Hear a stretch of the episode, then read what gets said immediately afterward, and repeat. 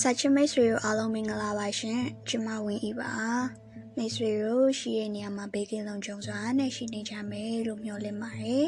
ဒီညလေးမှာတော့ကျမကဆရာမြတ်တန်ချင်းရဲ့တကူဝတ္ထုတို့များဆိုတဲ့စာအုပ်လေးတွေကအမီးစားပတ်ခေါင်းစားပတ်ဆိုတဲ့ဝတ္ထုတို့လေးတစ်ပုဒ်ကိုဖတ်ပြပေးလိုပါတယ်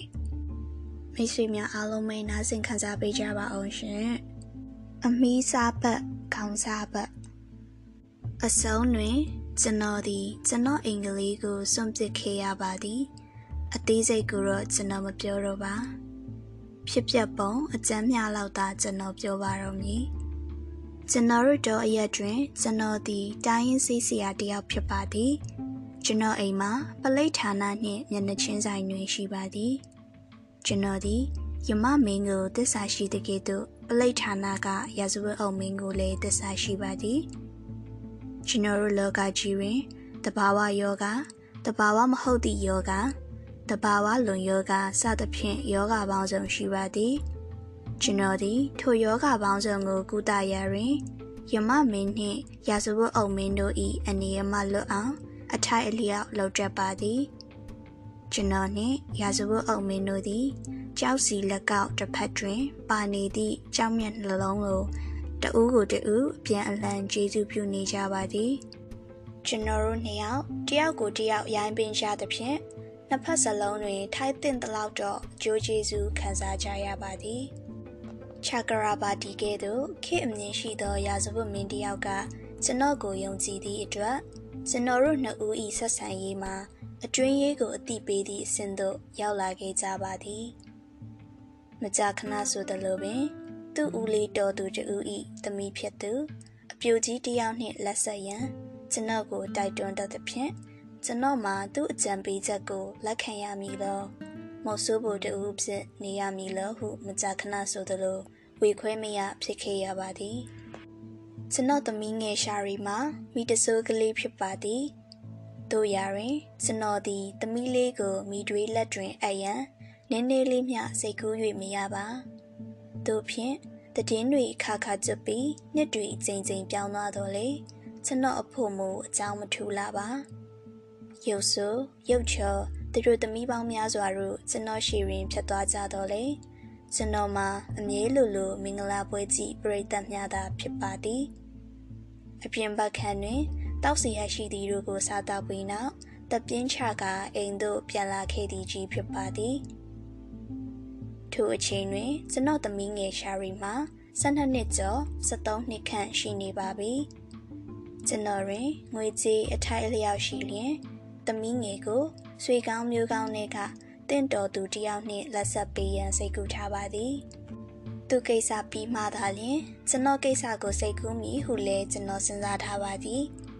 ထိုစိတ်ကူးဖြင့်ငွေကလေးကြေးကလေးစုဖို့စိတ်ကူးနေစဉ်တူရှိပါရာရွာမှ ဟီယာနတ်မစွန်တာသည်ကျွန်တော်ထံသို့ငိုကြီးချက်မှဖြင့်ရောက်လာပါသည်မုတ်ဆိုးမှဖြစ်သည့်သူသမီးမှာမြာကြီးတကောင်၌ရုတ်တရက်ဆုံးသွားသည်တွင် သူကိုမလိုသူများကကိုဝန်ဖြတ်ချသဖြင့်တေဆုံးခြင်းဖြစ်သည်ဟုရာဇဝတ်အုပ်မင်းထံပြစ်စာပို့ရပါသည်ဤတွင်ပလိတ်တို့ကအလောင်းကိုတကြိုခွင့်မပေးဘဲတားထားပါသည် သမီးဆုံးသဖြင့်တောကဖြစ်နေစဉ်ထို့သို့အဆွဆွဲခံရသည့်အခါတွင်ကမိမြစိတ်ထိခိုက်မိကို တွေးကြည့်နိုင်ပါသည်ကျွန်တော်သည်စေးစရာတယောက်ဖြစ်ပါသည်ထို့ပြင်ရာဇဝတ်အုပ်မင်း၏ယင်းဤသောမိတ်ဆွေကြီးလည်းဖြစ်ပါသည်သို့ဆိုလျှင်ကျွန်တော်သည်ဟီရာနက်ကိုကူညီရမည်မဟုတ်ပါလောစီးစိမ်ဥစ္စာကိုစောင်းသည့် Lachmi နဲ့သမီးသည်ကျွန်တော်တို့ကိုမိုင်းမကူညီလိုပြီးဆိုလျင် မခေါ်မပစ်မဲရောက်လာတတ်ပါသည်တခါတရံတွင်အိမ်ရှိပေါက်မှရောက်လာတတ်ပြီးတခါတရံတွင်လည်းနောက်ဖေးပေါက်မှတိတ်တိတ်ကလေးတက်လာတတ်ပါသည်ကျွန်တော်ကခေါင်းကိုညှိပြလိုက်ပြီးအေးလေကူညီရမှာပေါ့ပြဿနာကတိတ်တော့မလွယ်ဘူးဗျဟုဆိုကခက်ခဲလီဟန်ဖြင့်လှုပ်ထုံးလုံနီးတို့မြည်တို့မြည်ပုံရှုပ်ထွေးကြောင်းကိုကိုယ်စိတ်ကူးဖြင့်ကိုတီထွင်ပြောလိုက်ပါသည်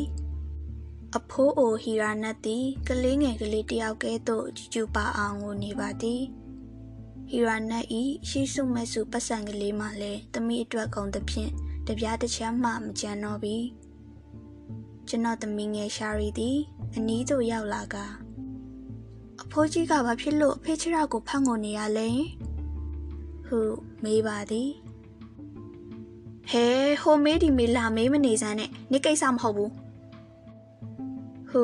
ကျွန်တော်အော်လို့လိုက်ပါသည်ယခုမှကျွန်တော်အဖို့ဟန်ကြလေပြီကျွန်တော်သမီးငယ်အတွက်တင့်တော်မြင့်တူသားကိုရှာနိုင်လေပြီမင်္ဂလာနေ့ရက်ကိုတတ်မှတ်ပြီးလေပြီတူဒီသောသမီးဖြစ်သည်ဖြင့်မင်္ဂလာပွဲကိုခန်းခန်းနာနာဖြစ်အောင်လုပ်သည်ကျွန်တော်တွင်ဇနီးမရှိသဖြင့်မနေနိုင်သောအိမ်နီးနားချင်းများကလာ၍ကူညီလုပ်ကိုင်ပေးကြသည် ကျေးဇူးတည်တတ်သည့်အဖိုးအိုဟီရာနတ်သည်နေ့ရောညပါအလုပ်လုပ်ရသည်မင်္ဂလာဆောင်မည့်နနက်3နာရီလောက်တွင် ကျွန်တော်သမီးရှာရီသည် အမွှေးနှစ်သားတို့ကိုလိန်ချေပြီးပြီထိုအချိန်တွင် ကာလဝမ်းဖြစ်ပါတော့သည် သူ့အခြေအနေမှာစိုးရိမ်စရာဖြစ်လာခဲ့ပါသည်ကျွန်တော်သည်တတ်သမျှမှတ်သမျှကုသပါသည် နောက်ဆုံးတွင် ရှိသမျှဆေးပလင်းများကိုလွှင့်ပစ်လိုက်ခါ ဟီရာနတ်ထံသို့ပြေးလာခဲ့ကသူ့ခြေအစုံကိုဖတ်၍တောင်းပန်ပါသည်ဒါဒါကျွန်တော်ကိုခွင့်လွတ်ပါဗျာကျွန်တော်ဟာတော်တော်ရုံမာတဲ့ကောင်သူဟာကျွန်တော်ရဲ့တူးကြီးသောသမီးပါကျွန်တော်မှတခြားဘူးမှမရှိတော့ပါဘူးဟီရာနတ်သည်အာအားတင်လျက်အိုးဆရာဘာလုပ်တာလဲမလုပ်ပါနဲ့ဆရာဂျေဇုကိုကျွန်တော်တစ်သက်လုံးဆက်လို့ကုံတော့မှာမဟုတ်ပါဘူးကျွန်တော်ရှောက်ကိုမထိပါနဲ့ဘာဖြစ်လို့လဲ မဟုတ်ဘူးကျွန်တော်ခမားကိုမကောင်းကြံခဲ့မိရဲ့ပြစ်မှားခဲ့မိရဲ့ဒါကြောင့်မို့ကျွန်တော်သမီးလေးတေးကောင်ပေါင်းလဲဖြစ်နေရကျွန်တော်မှာအပြစ်ရှိရဲ့ကျွန်တော်သည်လူတွေရှိတွင်မချုပ်တီးနိုင်မေအော်ဟစ်ငိုယိုလျက်ရှိပါသည်ကျွန်တော်ဟာသူ့အပေါ်မှာမကောင်းချင်ခဲ့မိရဲ့ဗျာသူ့ကိုဖျက်ဆီးခဲ့မိရဲ့ခုတော့ကျွန်တော်ကိုဒဏ်ခတ်ပြီးပေါ့ဖျားသခင်ကိုရောမြတ်ကြီးဖျားတပည့်တော်ရဲ့သမီးလေးကိုကယ်တင်တော်မူပါဖျား ကျွန်တော်သည်ဟီရာနတ်ဤဖနက်ကိုယူပြီးကျွန်တော်နှစ်ဖူးကိုသူ့ဖနက်ဖြင့်ရိုက်၏အဖိုးအိုဟီရာနတ်သည်နားမလည်နိုင်မဲကျွန်တော်လက်ထဲမှသူ့ဖနက်ကိုလိုက်လူသည်နောက်တနေ့10နာရီလောက်တွင်မူကျွန်တော်သမီးငယ်ရှာရီသည်နတာပန်းမှန်တို့အလင်းချန်လျက်ဖြင့်ဤလောကကြီးမှအပီးအပိုင်ထွက်ခွာသွားခဲ့လေပြီနောက်တနေ့နနက်တွင် ကျွန်တော်မိတ်ဆွေရာဇဝတ်အုံမင်းကကဲဆရာကြီးဘာလုပ်နေရလဲမိန်းမတယောက်ကိုယူလိုက်တော့လေခမ ्या မှာပြုစုဆောင်ရှောက်မဲ့သူလိုနေပြီဟုပြောလိုက်ပါသည်ဖရီဒီဝါတော့ကမီတောက်လောင်နေသူတူအားအချင်နာကင်းမဲ့စွာထိုးသူပြောဆိုခြင်းမျိုးကိုစေတန်နဆိုးတို့ပင်လျင်တတ်နိုင်မည်မဟုတ်ပါသူရရင်ကျွန်တော်ဒီလဲရခင်အခါများကသူ့ကိုအလားတူလောင်ခဲ့ပြောင်ခဲ့ နှိမ်ချခဲ့ဘူးပြီဖြစ်သဖြင့်သူပြောသမျှကိုငုံခံယုံမျှသာရှိပါတော့သည်ရာဇဝတ်အောင်မင်းနှင့်မိတ်ဆွေဖြစ်ရခြင်းသည်ချိန်ဖြစ်အရိုက်ခံရတဲ့ကဲ့သို့ကျွန်တော်အဖို့စိတ်ပြတ်ဖွယ်ကောင်းကြောင်းကိုပထမဆုံးအချိန်ကျွန်တော်သဘောပေါက်လာခဲ့ပါသည်နှလုံးသားသည်ကြကြထောင်းလျင်မာကြောလာနိုင်သောအရာမဟုတ်သည့်တိုင်ဘဝဤဘလူးကြီးများကမူနှလုံးသားကိုနင်းချီမြဲနင်းချီလျက်ရှိကြပါသည် စားလောင်သည့်အခါတွင် စားတော့လိုခြင်းဝတ်စင်ရန်အဝတ်အစားလိုခြင်းမိဖို့အတွင်ထင်းလိုခြင်းဖက်နှက်အတွက်ကျိုးလိုခြင်းစသည့်လိုအပ်ချက်တို့သည်ယခင်ကလည်းရှိခဲ့တဲ့ကဲ့သို့ယခုလည်းရှိမြဲရှိနေပါသည်အလုတ်အားလည်း၍အိမ်တွင်တယောက်တည်းထိုင်နေသည့်အခါမျိုးတွင်တနာစဖွေမင်းမြန်းနေသောမိကွန်းတစ်ခုကို ကျွန်တော်ကြားယောင်၍နေပါသည်ထိုမိကွန်းမှာ အဖေအဲ့ဒီဘိုးကြီးကဘာဖြစ်လို့အဖေချေကိုဖတ်ပြီးငိုနေရလဲဆိုတော့ကျွန်တော်သမီးငယ်ရှာရီဤမိကွန်းဖြစ်ပါသည်စင်ရဲစင်ကဟီရာနတ်သည်သူ့အိမ်ကောင်ကလေးကိုမိုးဖို့အတွက်အမိုးတစ်ခုကျွန်တော်ထံမှရခဲ့ပြီးဖြစ်ပါသည်ကျွန်တော်ဤနှုတ်စားနှမကိုလည်းပေးခဲ့ပြီးဖြစ်ပါသည်ငွေရှင်ထံတွင် ပေါင်ထားသော သူ့မြေယာကွက်ကလေးကိုလည်းပြန်၍ရွေးခဲ့ပြီးဖြစ်ပါသည် ကျွန်တော်ဤသမီးငယ်သည် လော်ကီအရှုပ်ထွေးတို့မှကင်းလွတ်သွားပြီဖြစ်ပါသည်တို့တိုင်းအဖေဖြစ်သူကျွန်တော်ဤပြစ်မှုတို့ကိုတွေးမိတိုင်းတမလွန်တွင်စိတ်ချမ်းသာနိုင်မည်မဟုတ်ဟုပူဆွေးတော့ကရောက်တော့ညနေခင်းများနှင့်အိမ်မပြောသောညများတွင် ကျွန်တော်တွေးမိပါသည်သမီးငယ်သည်ပူဆွေးတော့ကရောက်ခါအဖေရဲ့ဘာဖြစ်လို့ဒီလိုလုပ်ပေးလိုက်တာလဲ ဟုလာ၍မင်းနေတကယ်သို့ရှိပါသည်ကျွန်တော်သည်ဆင်းရဲသည့်လူနာများထံမှခြေကြွားခစေဘိုးဝါကတို့ကို အတင်းအဓမ္မမတောင်းရအောင်ဖြစ်နေပါသည်မိန်းကလေးငယ်တယောက်မကြမ်းမမာဖြစ်လျင်ကျွန်တော်သမီးငယ်ကလေးတယောက်နာမကျန်းဖြစ်တဲ့ကဲ့သို့ကျွန်တော်ခံစားရပါသည်ထိုနှစ်ကမိုးရသည်တွင် ကျွန်တော်တို့ရွာကလေးတွင်ရေကြီးပါသည် လေတဲသို့သွားလို့လျင်ရွာတဲတွင်သွားလို့လျင်လေဖြင့်သွားကြရပါသည်ထိုနေ့ကကျွန်တော်မှာမြေရှင်အိမ်မှလူနာကြည့်ရန်လာပင်ပါသည်တို့ရရင်မိုးမှာနနက်လင်းကလေးကတဲတဲမဲမဲရွာချနေပါသည်မြေရှင်ကလှလိုက်သည့်လေသမားမှလည်းနည်းနည်းကလေးမျှပင်မဆောင်နိုင်ပဲအရေးတကြီးဖြစ်နေပါသည် ကျွန်တော်မပါပဲသွားမြေပုံပင်ပေါ်နေပါသည် ရခင်ကမူရာသီဥတုဆိုစဉ်ပြင်ထွက်လိုလျင်ထီးဖွင့်ပေးမိသူထီးဆုပ်လျင်ချုပ်ပေးမိသူမိုးတဲ့ရည်ထဲတွင်အေးမမိအောင်သွားရန်တတိပေးမိသူတို့အစဉ်သင့်ရှိပါသည်ထိုနေ့ကမူတိတ်ဆိတ်၍ဟာလာဟင်းလင်းဖြစ်နေသောအိမ်ထဲတွင်ထီးကိုမနှဲရှာယူရပါသည်ကိုအပူနှင်းကိုဖြည့်၍ထီးရှာနေရသည်မှာဘလောက်ကြာသွားသည်ကိုပင်မသိလိုက်ပါ ကျွန်တော်သည်ဟာလာဟင်းလင်းဖြစ်နေသောအိတ်ခမ်းကိုကြည့်ရင်တစ်ဖက်သားဤဝမ်းနေကြည်ကွဲမှုကိုလှစ်လျူရှုတတ်သူတဦးသည်ယခုအချိန်တွင်ဖျားသခင်ပေးသနာတော်မူသောဇင်နာတနာမှုမျိုးကိုမခံစားထိုက်ဟုသဘောပေါက်လာခဲ့ပါသည်အိမ်ပြင်သို့ထွက်လာသည့်အခါတွင်ကျွန်တော်နှလုံးသည်တဒိတ်ဒိတ်ခုန်နေပါသည်မြေရှင်ဤလေသမားသည်တငင်းကြီးတညူညူဖြစ်နေပါသည် လေပေါ်သို့တက်လိုက်သည့်အခါတွင် ပလိတ်ဌာနရှိငုတ်တိုင်တွင်လေငယ်ကလေးတစ်စင်းခြိထားသည်ကိုတွေ့ရပါသည်လေပေါ်တွင်လေသမားတယောက်မိုးရီရီအရွှဲသားဖြင့်ရက်နေပါသည်။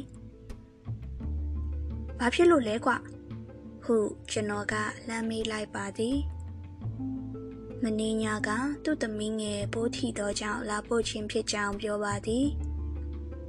လေသမားသည်သမီးငယ်ဤအလောင်းကိုအဝေးကြီးမှတည်လာပြီးပလိတ်ထံတေစရေးလာဖွင့်ခြင်းဖြစ်ပါသည်။လေပေါ်မှအလောင်းကိုဒိုတီကလေးတစ်ထည်လွှမ်းထားပါသည်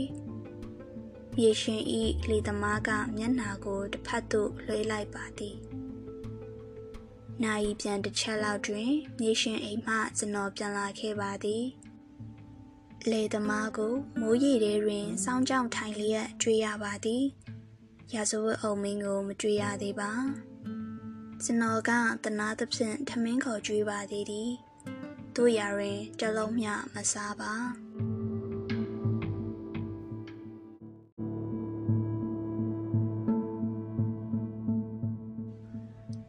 ကျွန်တော်သည်ထမင်းကိုခတ်တုတ်တုတ်စားပြီး ရေရှင်ဤအိမ်တွင်ရှိသည့်လူမမာကိုကြည့်ရန်နောက်တစ်ကြော့ထွက်လာခဲ့ပြန်ပါသည်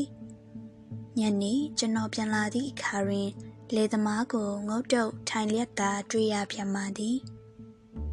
ကျွန်တော်မေးသည့်အခါတွင်မဖြေနိုင်မေကျွန်တော်ကိုအငေးသားကြည်နေပါသည်ထိုအချိန်တွင် သူသည်မြစ်ရွာပလိဌာနမုံမိုင်းညစ်ပတ်နေသောကမ္ဘာလောကကြီး စသည့်အရာအလုံးတို့ကိုအိမ်မက်ပမာထင်ကောင်းထင်နေပါလိမ့်မည်ကျွန်တော်ကအတန်တန်မေးသည့်အခါတွင်မှပလိတ်တယောက်ထွက်လာပြီးသူ့တွင်ပတ်စံဘလောက်ပါသနည်းဟုမေးကြောင်းဖြင့်ပြောပါသည်။သူကစင်ရည်သာဖြစ်၍တပြားမှမပါကြောင်းပြောပါသည်ကဲဒီလိုဆိုစောင့်နေအောင်ဖိုးကြီးမတိမချင်းစောင့်နေအောင်ဟုပြောသွားသည်ဟုဆိုပါသည် ကျွန်တော်သည်ထိုအဖြစ်မျိုးကိုယခင်ကမကြာခဏတွေးခဲ့မြင်ခဲ့ဘူးပါသည်တို့ရာတွင်တခါမျှအရေးတကြီးထား၍မစင်စားခဲ့ဘူးပါထိုနေ့ကမူထိုရှုခင်းကိုကျွန်တော်မမြင်ရပါဖေဘာဖြစ်လို့ဒီလိုလုပ်ပေးလိုက်တာလဲဖေရဲ့ဆိုတော့သမီးငယ်ဤမင်းမြန်းတန်သည်ဆိုဆွတ်ထိုင်းမိုင်းသော ကောင်းကင်ကြီးအနှံ့မှ ထွက်ပေါ်နေသည်ဟုထင်မိပါသည်ထိုသမီးမဲ့အဖေဤတိတ်ဆိတ်သောအဆုံးမထင်သောပူဆွေးသောကကိုမြင်ရသည့်အတွက်ကျွန်တော်နှလုံးသားတို့သည် ဖူးဖူးရောင်အန်းကနန်ယူတို့ကြားမှထိုးထွက်နေသည်ဟုပင်ထင်ရပါသည်ထိုအချိန်တွင်ရာဇဝတ်အုပ်မင်းသည်စိန်ကလထိုင်မော်ရင်ပလက်လှန်ကတမကူအိုးကိုယူ၍မိန်နေပါသည် ကျွန်တော်ကို သူ့သမီးနှင့်ပေးစားချင်နေသည့်သူ့ဦးလေးလည်းရောက်နေပါသည်သူသည်အနီးရှိဖြာတစ်ချက်ပေါ်တွင်ထိုင်ကအတင်းအဖျင်းတွေကို ဖောင်လောက်အောင်ပြောနေပါသည် ကျွန်တော်သည်သူတို့အနားသို့လှစ်ခနဲရောက်သွားက